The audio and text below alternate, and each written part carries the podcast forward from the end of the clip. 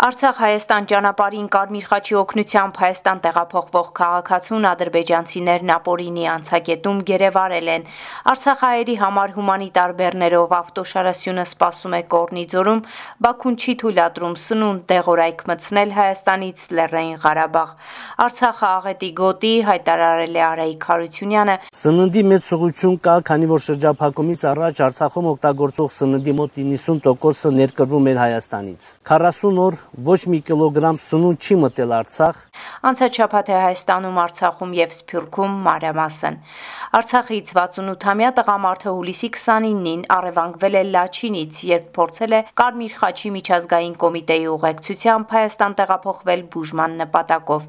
Բագիվ Խաչատրյանի իրավունքների պաշտպանության վերաբերյալ Հայաստանը դիմում է ներկայացրել Մարդու իրավունքների եվրոպական դատարան։ Լաչինի միջանցքով ազատ տեղաշարժը պետք է վերականգնվի, հայտարարել է Եվրոպա Եվրոպայի խորհրդի գլխավոր քարտուղար Մարիա Պեյչինովիչ Բուրիչը նա չափազանց մտահոգված է Լեռնային Ղարաբաղում հումանիտար եւ մարդու իրավունքների հետ կապված լուրջ իրավիճակով Հայաստանում Միացյալ Նահանգների դեսպանությունը հայտարարել է, որ վերահաստատում է Բլինքենի կոչը Լաչինի միջանցքն անհապաղ վերաբացելու մասին։ Փոխդեսպանի պաշտոնակատար Ջոն Ալելոն դիվանագիտական կորպուսի ներկայացուցիչների հետ միասին Սյունիք է այցելել, որտեղ տեղահանված անձանցից ու մարզի ղեկավարներից տեղեկացել է Լաչինի միջանցքի շարունակվող շրջափակման պատճառած զրկանքների մասին։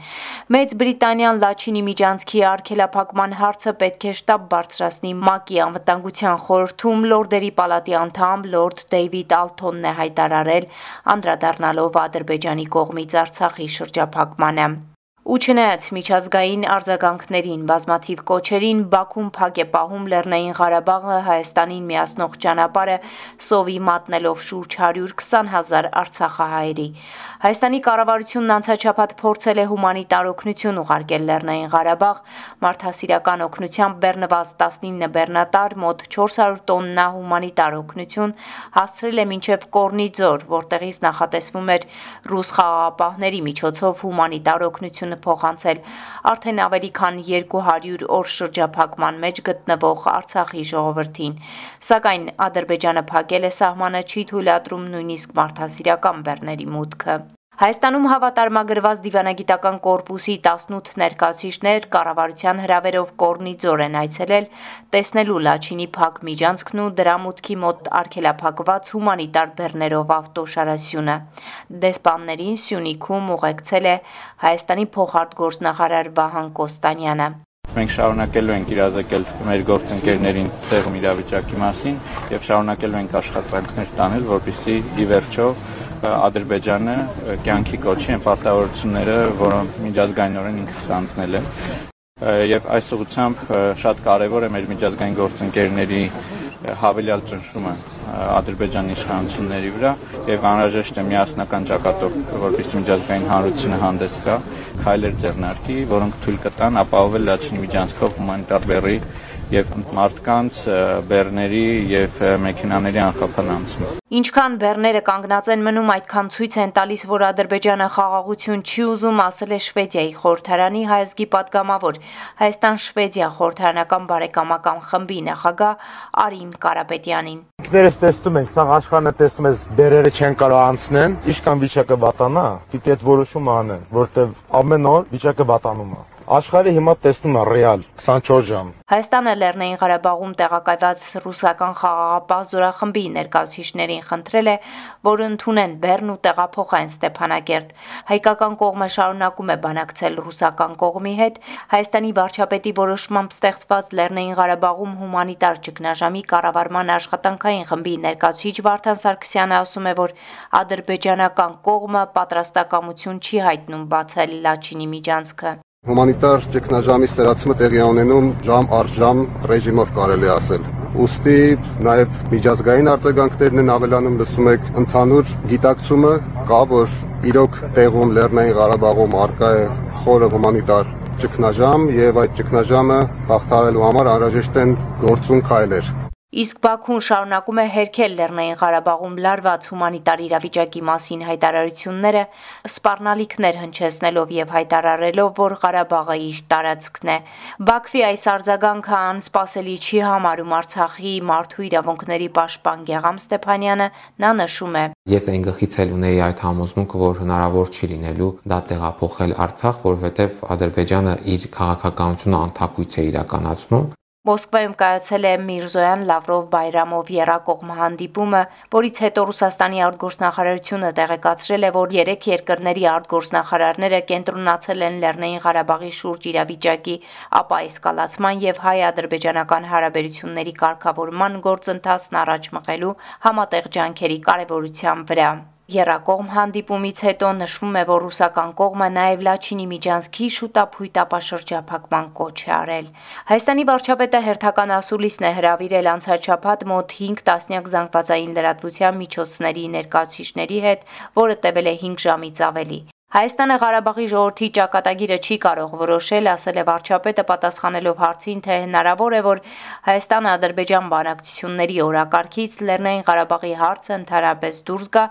կամ հակառակը կարգավիճակի հարցը դարձյալ օրակարգում ներառվի։ Կարծում եմ, որ Լեռնային Ղարաբաղի ներկայացուցիչները, ժողովուրդը, կառավարությունը այս բանաձևի շրջանակներում հնարավորություն կունենան հասցեագրել իրենց հուզող բոլոր հարցերը եւ ոչ միայն հարցեր առաջադրել եւ ոչ միայն բովանդակություն գեներացնել, այլև որ շատ կարեւոր է կրել այդ բովանդակության հետ առնչվող քաղաքական պատասխանատվությունը եւ ոչ միայն քաղաքական պատասխանատվությունը եւ ես կարծում եմ որ դա է ճիշտ ճանապարհը Փաշինյանը նշել է, որ ընդհանրապես մտածելու հարց է, թե արդյոք Հայաստանի եւ Ադրբեջանի միջև հնարավոր խաղաղության պայմանագրում պետք է անդրադարձ լինի Լեռնային Ղարաբաղին։ Այսինքն համապարփակ լուծում թե այնուամենայնիվ Լեռնային Ղարաբաղի ժողովրդի իրավունքների եւ անվտանգության հետ կապված հարցերը պետք է առաջ ընթանան եւ հասցեագրվեն այլ տրամաբանությամբ եւ այս հարցում մենք որոշում չունենք եւ սա չի նշանակում, որ դիրքորոշում չունենք, Աղդամով Ակնայով Ստեփանակերտին օգնություն հասցնելու հարցի քննարկման ոչ մանդատ ունեմ, ոչ էլ անհրաժեշտություն հայտարարել է Հայաստանի վարչապետը պատասխանելով Շարլ Միշելի առաջարկի մասին հարցին Լաչինի միջանցքի հետ կապված հարցը քննարկելու մանդատ ունեմ, որովհետև Լաչինի միջանցքը ստեղծվել է երրակողմ հայտարարությամբ 2020 թվականի նոյեմբերի 9-ի, որի ստորագրողներից մեկը ես եմ Հայաստանի Հանրապետությունը։ Հետևաբար այդ հարթակներում մենք քննարկում ենք միայն Լաչինի միջանցքի ապօրինի արգելափակման եւ Լաչինի միջանցքի բացման հետ կապված հարցերը Բրյուսելյան վերջին հանդիպումից հետո Եվրախորհրդի նախագահ Շարլ Միշելը անդրադարձել էր Ստեփանակերտին աղդամով օգնություն տրամադրելու Ադրբեջանի առաջարկին։ Արցախ.